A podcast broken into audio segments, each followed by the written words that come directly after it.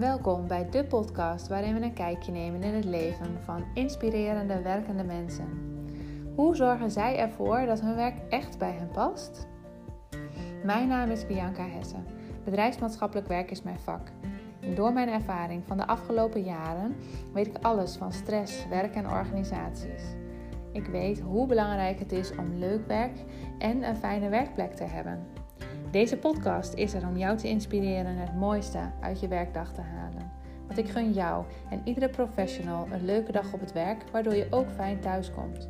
Dat is niet voor iedereen vanzelfsprekend, maar wel mogelijk.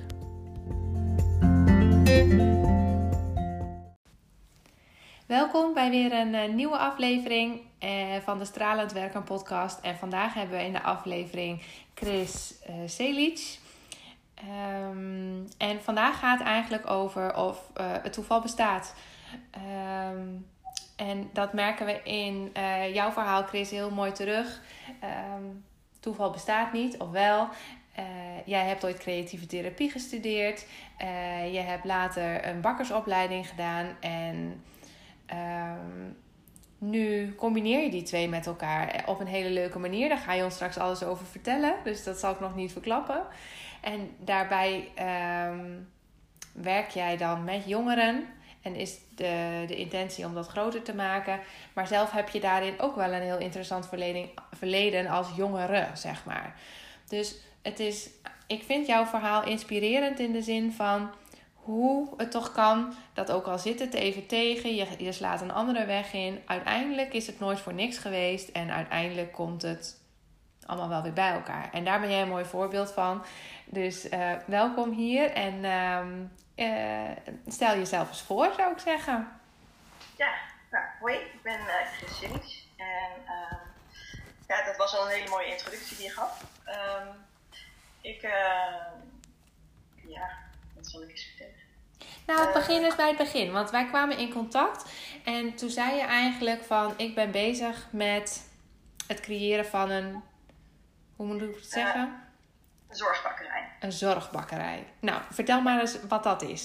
ja, nou ja, een zorgbakkerij is een uh, bakkerij waar jongeren kunnen werken... die een uh, psychische kwetsbaarheid hebben of die door welke andere reden uitgevallen zijn op school of op werk en die vastlopen in het leven. Ja. En wat wij dan doen is um, met die jongeren bakken en daarin dus met hen werken en kijken waar liggen jouw talenten nou. Dus niet per se wat zijn jouw beperkingen, maar waar liggen jouw talenten en wat kun jij heel goed. En voor iedereen een plekje zoeken en vooral een plek te maken waar jongeren het gevoel hebben dat ze iets nuttigs hebben gedaan op een dag. Dat ze niet um, de hele dag uh, eigenlijk voor zich uit hebben zitten staren of, hebben zitten punniken zoals bij een dagbesteding. Maar dat ze iets geleerd hebben en dat ze iets toegevoegd hebben en dat ze gewerkt hebben. Ja, en uh, als je dan zo'n bakkerij hebt, hè, en uh, dat betekent dat je een proces hebt van het creëren van um, de, de, de broden en de gebakjes en hetgene of wat er dan gemaakt moet worden. Uh, je hebt een stukje verkoop en dat is eigenlijk ook een hele keten van stappen die gedaan moeten worden. Dus je hebt ook daadwerkelijk een proces waarin iets samen gebeurt. Ja, er zit een, een groot deel samenwerking ook in. Dat is voor de meeste jongeren ook een heel groot leerpunt. Um, en uh, het is samen bijvoorbeeld, de een maakt het product, de ander die pakt het in. Maar je moet ook de hele dag, of het hele dagdeel dat de jongeren er zijn, moeten ze met z'n allen in een bakkerij van 100 vierkante meter samenwerken. En misschien samen lunchen. En dat zijn ook al, uh, ja, waar ik vroeger altijd een hekel aan had, maar ik ga het nu toch zeggen, alles is een leermoment. Overal ja. kun je van leren. Ja. Ja. ja. En um, uh, we hadden net even kort kennis gemaakt en toen zei het is ook zo belangrijk dat ze, dat ze niet gemist kunnen worden in die schakel. Ja. En, nou ja, ik. Uh, oh ja, sorry. Ja, nee, en dan het idee van waarde, van waarde zijn. Ja, maar dat vind ik heel erg belangrijk. En dat, um, nou, ik heb zelf uh, heb ik, vroeger ook in de jeugdzorg gezeten en ik heb meerdere depressies gehad, waardoor ik in de zorg zat. En ik werd vaak. Ja, als, als patiënt. Als patiënt, als hè? Patiënt, ja, ja, zeg, ja. ja. en ik werd vaak bezig gehouden. En dan, dan moesten we een hele dag handwerken of een hele dag iets plakken. En aan het einde van de dag had ik niet het gevoel dat het enige verschil had gemaakt dat ik daar was. Of misschien dat het zelf wel makkelijker zou zijn geweest als ik er niet was. Want dan had dus één iemand minder te hoeven te entertainen. En uh, ik merk nu zo duidelijk dat het belangrijk is om, uh, nou, om trots te zijn op wat je doet. Maar ook om iets te kunnen doen door, door iets toe te voegen. En ja, het, ehm, ja, ik noem dat heel erg het bestaansrecht. Dat een jongere ehm, blij is om iets, nou blij hoeft nog niet eens, maar dat de jongere iets heeft om voor uit bed te komen, omdat hij denkt, ik word gemist. Uh, en uh, of dat de jongere denkt, nou, uh, ik ben zo ontzettend goed in het maken van die koekjes en ik weet dat er een grote bestelling is vandaag. Ik ga iets eerder. Nou, dat is wel een hele grote stap, maar ze komen in ieder geval. Ja, ja, ja. Ja. Ja. En dan klinkt het ook wel Um, dat vul ik even in dat ik kan me voorstellen dat als je zelf opgegroeid bent in de jeugdzorg, dat dat niet altijd makkelijk is geweest. Nee, nee. Dat, uh, nee, zeker niet. Nee. nee, het is heel uh, moeilijk geweest zelfs. Ja. ja. En hoe sla je je daar dan toch doorheen? Um, nou, ik denk dat het belangrijkste is geweest voor mij. Um, dat, de mens, dat er mensen om mij heen waren die nog vertrouwen hadden. En soms was dat, uh, waren dat de groepsleidingen en had, had die er vertrouwen in. Uh, en soms, uh, vaak waren het mijn ouders, maar die hadden ook wel eens het vertrouwen verloren. En de rest van mijn familie en vrienden. Um, maar als er nog maar één iemand is die het vertrouwen heeft. En een therapeut heeft mij ooit gezegd: de taak van de therapeut is om dat vertrouwen te hebben. En dat in kleine stukjes terug te geven aan de patiënt als hij het nodig heeft. Oh ja. Nou, ik hou niet zo van het woord patiënt, maar uh, ik vond dat een hele mooie uh, uitspraak. En ik denk dat dat mij geholpen heeft. Dat er altijd wel mensen zijn geweest die, die dachten, maar het komt wel goed. Ja, ja. En dat is dus eigenlijk zo, zo belangrijk, want dat is je steun ook eigenlijk, hè? Als iedereen denkt, nou ja, het wordt toch niks meer met Chris. Uh, laat maar waaien. Ja, dan, dan wordt het ook nooit meer wat met je. Dan voel je ook geen enkele interne verantwoordelijkheid om er nog wat van te maken. Nee, maar dat is denk ik ook wat uiteindelijk mij geholpen heeft. Um, ik weet nog dat er op een gegeven moment een best wel. dat ik echt heel diep zat en dat, een, uh, en dat mijn begeleider toen tegen mij en mijn ouders zei in een gesprek: Chris, je moet echt, als je nu niet keihard gaat werken, want ik had de hoop al opgegeven, hmm. dan gaan we je aanmelden voor de volwassen psychiatrie. En daar kom je niet zomaar uit. Toen dacht ik: oh. Daar ben ik zo van geschrokken dat ik dacht: als jij nu ook al dit, die stappen wil gaan ondernemen, ja, dan moet ik er echt wel heel hard aan gaan trekken. Ja, ja. En dat heeft geholpen? Ja. Nou ja, het, het heeft geholpen dat ik, uh, niet dat je in één keer beter bent, maar uh, het zorgde dat ik weer wilde, ervoor wilde, wilde vechten. En dat heeft uiteindelijk, heeft mij dat heel goed uh, geholpen om er weer uit te komen. Ja, want hoeveel jaar geleden is dat nu? Hoe moet, waar moet ik aan denken? Ik ben vanaf mijn veertiende in depressies geraakt. En ehm, uiteindelijk ben ik op mijn 18e, 17e uit zorg gegaan. Toen ben ik gaan studeren. En toen heb ik nog een aantal terugvallen gehad. Dus het is een, het is een vrij lange periode geweest. Ja, nou, zulke soort dingen duren lang. Dat, dat is een gegeven. Um, en nu ben je? 32. 32. Ah, kijk. Zijn we, zijn we bijna even oud. Of tegen de tijd van uitzenden dat die daadwerkelijk online staat, zijn we even oud. ja, ja. Um, Oké, okay, en toen ben je gaan studeren. Dan ga je naar het HBO, geloof ik? Ja. Ja, ja ik heb creatieve therapie gestudeerd. Ja. Uh, en wat leer je dan? Ja, ik zat net in een, in een nieuwe vorm van de opleiding. En we waren een beetje de trial case. En wij hadden heel veel vrijheid. En dat heeft mij uiteindelijk wel geholpen. Want met name dan in het derde jaar gingen we een jaar lang stage lopen. Dat heb ik in de volwassen psychiatrie gedaan. En ik had zo'n fijne uh, stagebegeleider. Dat ik echt heel veel geleerd heb over mezelf. Maar ook hoe neem je jezelf als therapeut en als cliënt, ex-cliënt mee in je werk. En, uh, want ik vind dat heel belangrijk dat mensen je moeten je kunnen blijven raken. De mensen waar je mee werkt, de cliënten of je collega's. Want als het je niet raakt, dan moet je het werk niet doen. Ja. Maar tegelijkertijd was voor mij een hele grote, uh, was, was een hele grote les om te leren dat je, dat je ook niet zo kwetsbaar je op moet stellen dat iedereen je heel hard kan raken. En die, dat evenwicht daartussen van wat kan nou wel, wat kan nou niet, hoe neem je jezelf mee. Ja. Ehm, en ook, uh, nou, ik heb bijvoorbeeld heel veel littekens op mijn armen. Uh, van, van de zelfbeschadiging van vroeger. Ja. En ik durfde op stage bijvoorbeeld helemaal niet met korte mouwen te lopen. Daar was ik zo bang voor. Terwijl nu, de afgelopen jaren op mijn werk, doe ik dat wel. En merk ik dat jongeren juist met mij het gesprek aangaan. En um, vragen van, goh, maar hoe ben jij er dan vanaf gekomen? Ja. En dat, ik heb eigenlijk geleerd om ervaringsdeskundige te, te zijn. Om um, mijn eigen verhaal mee te nemen, maar het niet te laten overheersen. Ja, en het dus wel professioneel aan kunnen lopen. Want um, daar, ja, ik heb dan maatschappelijk werk en dienstverlening gestudeerd en dat is een beetje een aanverwante. Ik merk nog wel eens, dat, dat, dat zie ik nu in heel veel bedrijven wel oppoppen, dat mensen hebben dan een bepaalde ervaring, daar zijn ze uitgekomen. Uh, en dan denken ze zelf daar wel mensen mee te kunnen helpen. Maar dan, dan ligt die valkuil zo op de loer van wanneer ben je vanuit je professionaliteit ergens mee bezig en wanneer ben je vanuit je ervaringsdeskundigheid ergens mee bezig. En beide is niet verkeerd, maar um, uh, het zou zo mooi zijn als het daarmee wel een soort van professioneel blijft of zo. Ja. Um, en uh, of dat je jezelf in ieder geval bewust blijft van datgene wat je aan het doen bent. Ja. Ik ben zelf, uh, uh, ik ben ooit bij een, ooit, ik ben een paar jaar geleden bij een open, open dag geweest van een opleiding ervaringsdeskundigheid.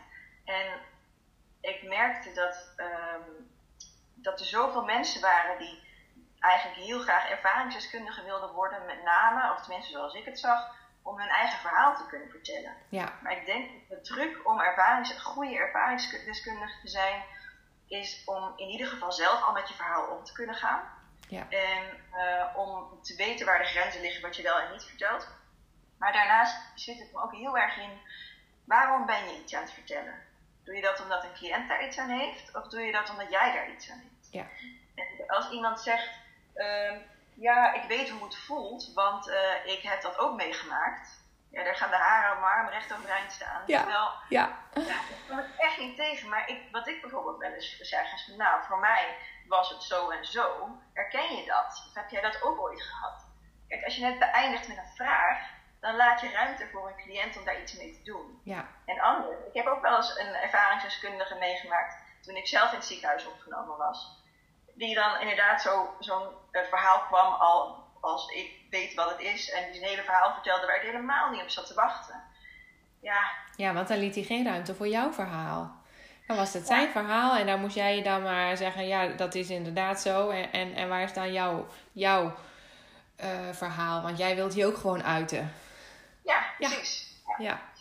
Ik denk ook zeker dat er hele goede ervaringsdeskundigen rondlopen, ook ja. met, de, met, met die opleiding. En ja. absoluut, er ik niks aan afdoen, maar ik Ja. denk dat je gewoon altijd bewust moet zijn van waarom vertel ik iets. Ja, ja. En um, uh, die creatieve therapieopleiding heb je afgemaakt, hè? Ja. Ja. Maar dat was toch niet helemaal voor jou om aan het werk te gaan? Uh, nee, ik heb Of dat dat? geprobeerd. Ik heb ook gewerkt als creatief therapeute.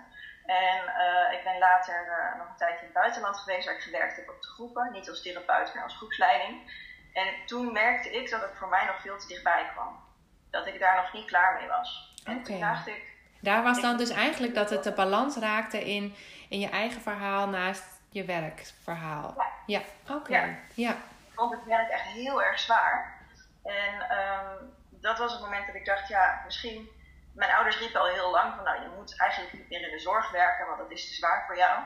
En uh, toen dacht ik, nou, dan ga ik iets heel anders doen. Dus ik was toen veel aan het bakken. Toen ben ik een bakkersopleiding gaan doen, een banketopleiding. Ja.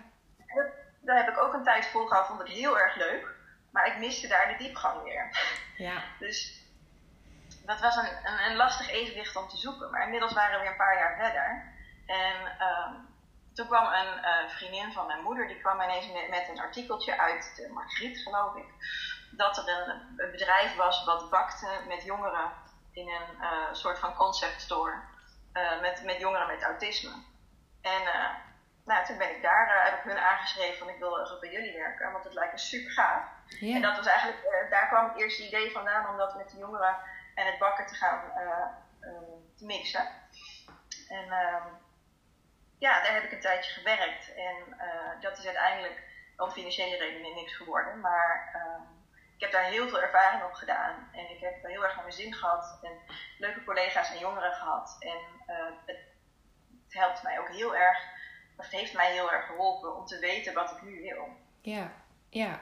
En dat is eigenlijk wel mooi, hè? Dat ehm, eh, even vanaf je veertiende, uh, nou ik noem even tot je twintigste, misschien zeg ik dat niet helemaal uh, precies, maar het maakt niet zoveel uit. Um, heb je een bepaalde ervaring in het leven opgedaan? die ervaring heb je meegenomen in je opleiding creatieve therapie en de opleiding als ervaringsdeskundige en hoe zet ik dat op de juiste manier in? Um, ja, die opleiding ervaringsdeskundige heb ik niet gedaan. Oh. Ik om niet te doen. Dat had ik in de creatieve therapie meegenomen. Ja, nou, zo. Maar je bent er in ieder geval mee bezig geweest. Dus zo kijk je al van, oké, ik bezit een bepaalde ervaring. Uh, in op het moment dat je het meemaakt, is het niet altijd even leuk, hè? En is het gewoon, is het gewoon keihard werken. En is het verdrietig, en is het zwaar, en is het kut, en is het ja. kloten. Um, um, maar ik vind het dan zo mooi om te zien dat het niet voor niets is. Want als je kijkt van 14 nu naar 32, dan zit daar 16 jaar verschil in, of 17. Um, ehm, en kijk, kijk wat het je dan nu oplevert. Ja, ja zeker. Nou, en dat, uh, ik wil niet zeggen dat alles altijd goed komt of dat alles altijd weer bij elkaar komt. Want je, je, moet, je moet wel je ogen open houden voor de mogelijkheden. Want toen ik mijn ogen sloot daarvoor en diep in een depressie zat, toen kwam het ook niet goed. Nee, oké. Okay. Er kunnen wel dingen voorbij komen waar je iets aan hebt of wat leuk is, maar je moet het wel grijpen. Ja. Ja, dus daar ligt ook echt nog wel dat stukje eigen verantwoordelijkheid waar je, uh, wat je moet inzetten. Of, ja. ja, dat denk ik wel. Of waar een beroep op wordt gedaan door het leven of door wat dan ook. Ja. Ja. Ja. En um, voelt het voor jezelf ook speciaal? Dat uh, creatieve therapie, uh, je bakkersopleiding, je eigen ervaring, dat dat nu samenkomt in één?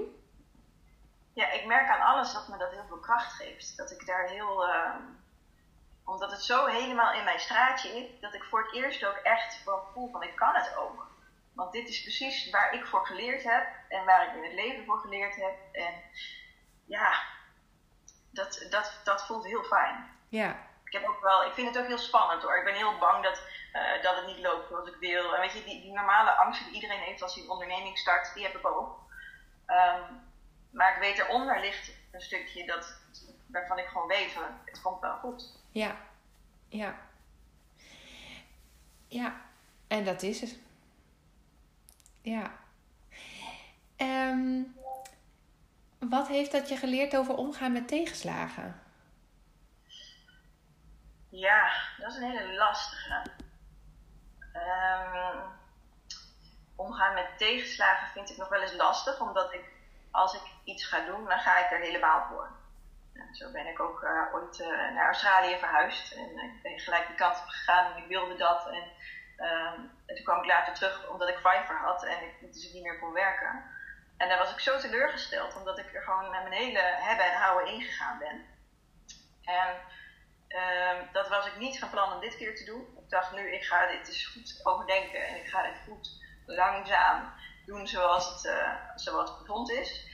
Maar ja, dan komen er toch weer mogelijkheden voorbij waar ik heel enthousiast van word. Ja, dan doe ik het toch maar wel en dan wordt het ineens ook een heel groot, uh, wordt het plan steeds groter. En ja, dan is de mogelijkheid voor teleurstellingen is dan, is dan groot, denk ik. Maar ik denk zelf Ehm, ik probeer het liever met alles wat ik heb. Ja. Dan dat ik altijd denk, oh, dat was ook een goed idee geweest. Ja. ja. Want wil je daar iets over vertellen? Over hoe, uh, hoe je zegt dat, dat dingen nu toch weer op je pad komen?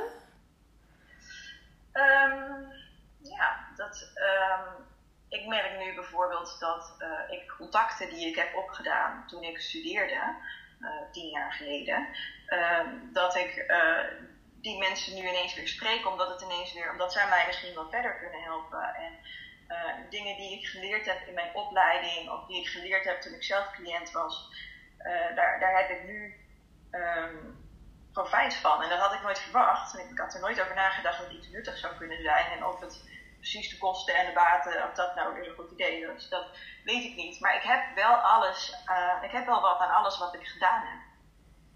En dat, uh, zin ja, komt het zo weer op mijn pad, denk ik. Ja, ja. En ook hè, wat je zei van het begon, of dat zei je in onze kennismaking, het begon met dat ik nu op zoek ging naar een keukentje waar ik een paar dagdelen in de week gebruik van kon maken. Uh, en, en, en hoe is het nu? Jij mag het afmaken. Ja, nu ben ik, uh, zitten we in onderhandeling uh, over een bakkerijovername. Dus dat is ineens heel groot. Het gaat ineens om heel veel geld wat ik nooit gehad heb. En ik doe dit trouwens met een compagnon, met Ike. En ehm, ik vind het allebei heel erg spannend, omdat het ineens in een, in een maand of 7, 8 is het inderdaad gegaan van we huren in het buurthuis een keukentje tot nou, uh, wij gaan een bakkerij overnemen. Ja. Had ik nooit van tevoren gedacht dat ik dat zou durven of dat dat een, überhaupt een mogelijkheid zou zijn. Maar dan, ja, als de, er komen weer nieuwe mogelijkheden voorbij. Ik dacht, ik heb daar geen geld voor. Nou ja, dan zijn we bezig met een crowdfunding actie. Uh, en dan blijkt het wel te kunnen. Dus er zijn heel vaak wel manieren als je maar door blijft zoeken. Ja. Tenminste, dat is mijn ervaring. Ja, ja, en als je het er dan maar over blijft hebben hè, met mensen. Want daar waar je het alleen maar in je eigen hoofd houdt, uh, ja, dan weet niemand het. En kan ook niemand je ergens een tip geven. Had je misschien heel niet geweten dat deze bakkerij uh, beschikbaar was voor een overname of te koop stond of wat dan ook. Nee, dat is ook wel um, uh, dat je. Ik kreeg ooit een keer een tip over iets heel anders, maar daar ging ook. Die zeiden: je moet, um, je moet je netwerk goed inzetten. En um, nou, dat heb ik ter harte genomen. Ik denk niet dat er nog iemand in mijn netwerk is die niet weet waar ik mee bezig ben en die niet weet wat ik nodig heb. Oh, nou daar kan ik nog van leren, zeg maar. ja, ik heb iedereen ingezet. En uh, iedereen wil het ook heel erg graag. En ik word niet eens mensen gedwongen om iets te doen, maar het wordt gewoon aangeboden. En um, ja, dat uh, ook heel veel mensen die iets, iets, aanbieden waarvan ik dacht, oh, nooit geweten dat jij in die hoek uh, bezig was of dat er iets dat je dat kon. Ja. Um, ja, het is heel leuk om te zien dat het hele netwerk um, uh, staat achter me. Voor ja, en stel er luistert nu iemand en die denkt, ja, ik zit eigenlijk ook wel een beetje in. Um, nou, in wat tegenslagen. En hoe kan ik die voor me laten werken in plaats van alleen maar tegen me laten werken. En dan hoor ik die tip van ik gebruik, zet je netwerk goed in. Maar waar begin je dan? Wat, zet je dan een oproepje op, uh, op Facebook of uh, waar, waar begint het? Nou, bij mij begon het, uh, dat klinkt een beetje gek, maar bij mij begon het vanuit passie. Ik, ik was zo enthousiast over het idee van bakken met jongeren, dat ik um, het ook gewoon tegen iedereen, aan iedereen vertelde. Op elk feestje, op elke alles. Um, Als iemand zegt hoe gaat het, dan zeg je het gaat goed, want ik ben bezig met. Ja, ja echt. En ook op, op momenten dat ik een beetje misselijk werd van mezelf, dat ik dacht, hou nou je mond. Maar ik had er ook gewoon, en nog steeds, ik heb niks anders te vertellen dan mijn bakkerij, want dat is hetgene waar ik nu gewoon 24-7 in zit. Ja. En ik denk als je iets met passie doet, als je het echt wilt en dat mensen dat ook, dat het eraf straalt, dan willen mensen daar ook heel graag mee helpen. En die willen graag deel uitmaken van jouw passie. En dat vind ik heel mooi om te zien. Dat heel veel mensen um, gewoon zo. Uh, uh, ja, de passie dat vermenigvuldigt zich. Passie is iets, uh, ik vind het een beetje een raar woord, maar het is iets. In mijn ogen, als je echt enthousiast bent over iets, dan trek je ook enthousiasme aan. Ja. En dan trek je ook meer de mensen aan die zeggen ja dat kan, dan de mensen die zeggen nou dat vind ik helemaal niks of dat wordt nooit wat. Of, en, ja, natuurlijk kom je dat tegen. Ja. ja. En, en ben jij dan iemand die snel ergens gepassioneerd over is? Mm, vind ik lastig, want ik heb wel een aantal dingen gehad waar ik volledig voor gegaan ben, wat uh, uiteindelijk niet zo uitpakte zoals ik wilde. Um, maar ik weet niet of ik makkelijk gepassioneerd ben. Het ging altijd wel uh, over werk of over wonen of over activiteiten met anderen. Of, uh, ja. Ja. En, en hoe ontdek je dan dat daar je passie ligt? Als mensen gaan zeggen, doe eens even rustig. Oh. nee, als, als mensen. Als, ik merk het vooral aan de mensen om me heen. Maar ik, ik geef me ook heel veel kracht om dingen te doen. En ehm, ja, dat, dat is vooral eigenlijk. Ja, ja, ja. En uh, wat voor mensen zijn er om je heen uh, die jou daarin steunen? En die de, of die dan zeggen van, hé, hey, doe eens even rustig, Chris. nou ja, mijn vrienden en familie, die zijn echt wel, die kennen mij goed en die weten hoe het werkt. Ja. En um, uh, meestal mijn ouders zijn bijvoorbeeld altijd wel meer van, nou, doe maar even een beetje rustig aan, want ja, het hoofd allemaal niet zo. En die vinden het altijd een beetje meer spannender als ik weer ergens inspring. Um, en uh, nou, dat klinkt alsof ik dat nu heel vaak doe. Nou ja, nee, maar uh, we hebben het nu over die highlights, hè? En die zijn misschien twee of drie ja. keer voorgekomen in, uh, in die 30 jaar. Maar ja. goed, ja. Maar ja, bij deze, bij, bij, dit dacht ik op een gegeven moment, toen realiseerde ik mij dat mijn ouders enthousiast werden ervan. En toen dacht ik, huh? Mijn vader wilde investeren in het bedrijf. Oh.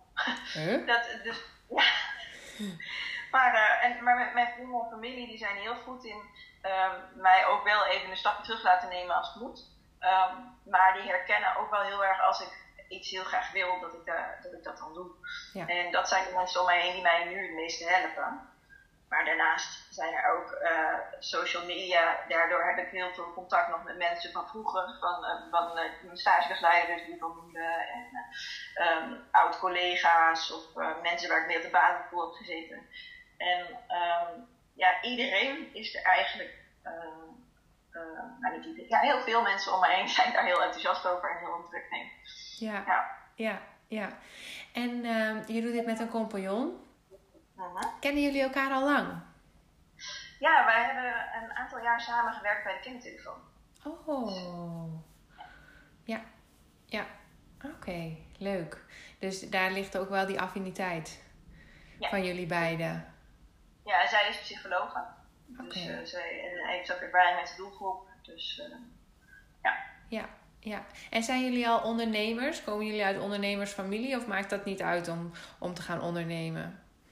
Nou, ik helemaal niet. Um, ik, uh, ik vond het daarom ook super spannend en had er eigenlijk nooit echt over nagedacht om echt te gaan ondernemen. Um, dus voor mij was het een hele grote stap, maar ik moet zeggen dat het best bent. Um, en voor Ike, die, uh, haar vader die heeft uh, een dagbesteding voor jongeren ook. Dus daar kunnen we ook een beetje bij, uit, uh, bij afkijken en um, vragen stellen. Ja. En, ja. ja, en dan ken je al een beetje hoe het werkt met financieringstromen. Je kunt dus, ja, zo kun je wat dingen afkijken over regels en nou, dat soort toestanden, zeg maar. Ja. ja. ja. Ja, en word je daar dan ook blij van? Dat soort organisatorische rompslomp, noem ik het even. Rompslomp is dan uh, eigenlijk een woord met een negatieve lading. Maar. Uh... Nou, uh, nou, echt de, de details over de financieringen, dat, dat hoort erbij. Maar dat is niet mijn allerliefste werk, zeg maar. Maar dingen zoals netwerken of een beleidsplan schrijven of een ondernemingsplan schrijven daarin merk ik ook wel dat het steeds zich verder opbouwt en het steeds reëler, reëler wordt. En, uh, uh, dat de eerste uh, ja, dat de eerste dingen binnenkomen met het oprichten van de stichting bijvoorbeeld. Dat ik denk van, oh ja, maar nu bestaan we dus echt. Ja. En dat, um, ja. Ja, is dan ook weer zo'n mijlpaal. Ja, en er zit heel veel administratieve romslomp omheen, maar dat gaat wel ergens naartoe. En uh, dat uh, vind ik heel leuk dat het steeds meer tot leven komt. Ja, ja, ik kan me voorstellen. Kan me voorstellen. hey, en um, uh, is dit, is dit een droom die je had zien aankomen? Is dit een droom die je ooit als doel gesteld hebt? Nou, in zekere zin. Ik heb wel uh, uh, destijds als jongere tegen mezelf gezegd: Nou, ik zou het heel fijn vinden als ik iets zou kunnen doen in werk, waardoor, jongeren, waardoor andere jongeren dit niet per se hoeven te ervaren, of waar, waar, waarmee het andere jongeren makkelijker gemaakt wordt.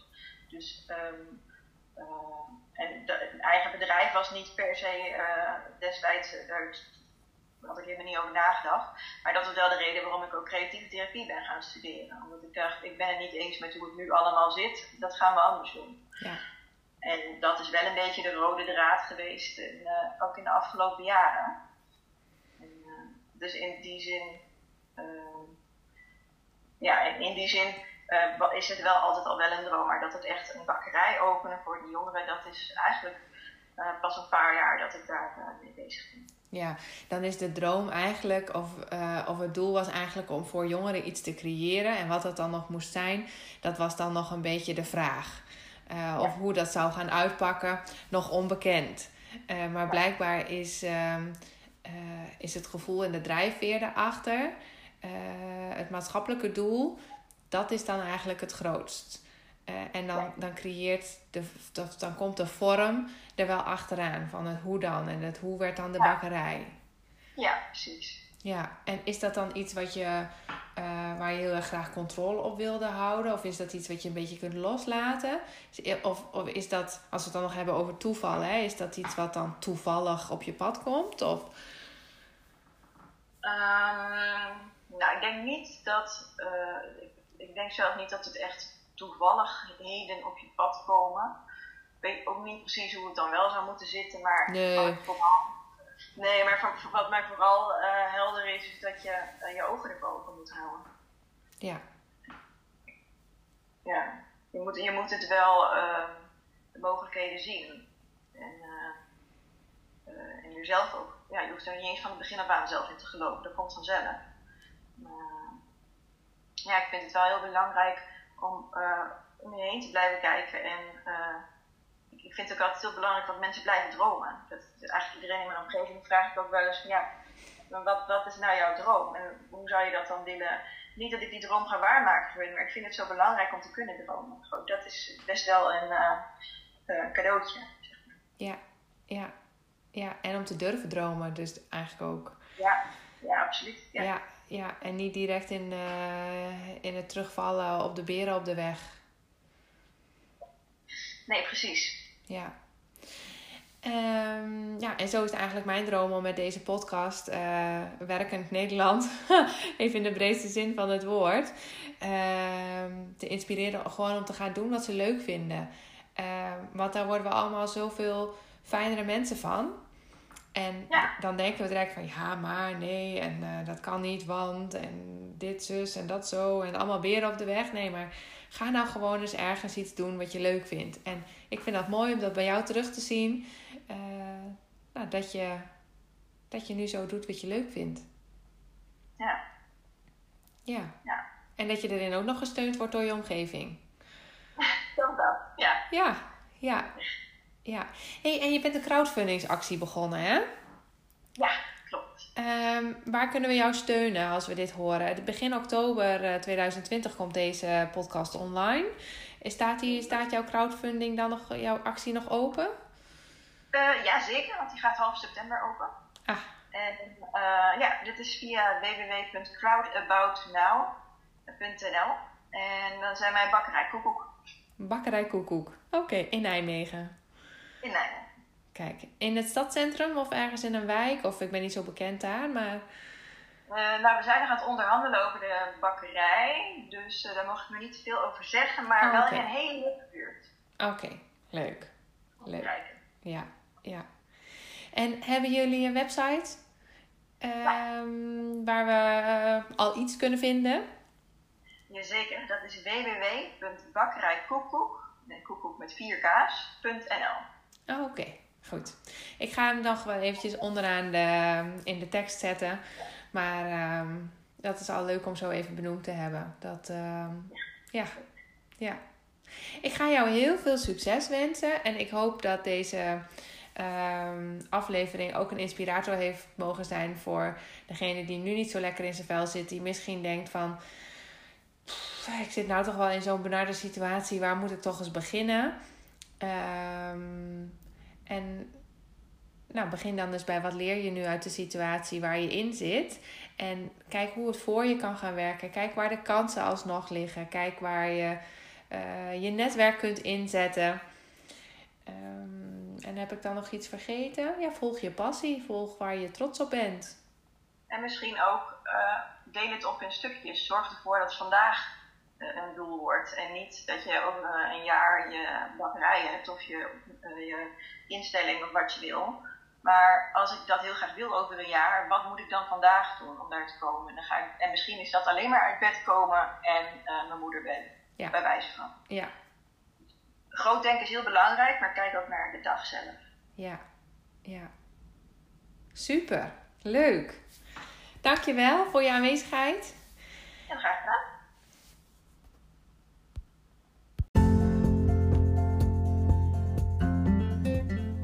Voor de luisteraar.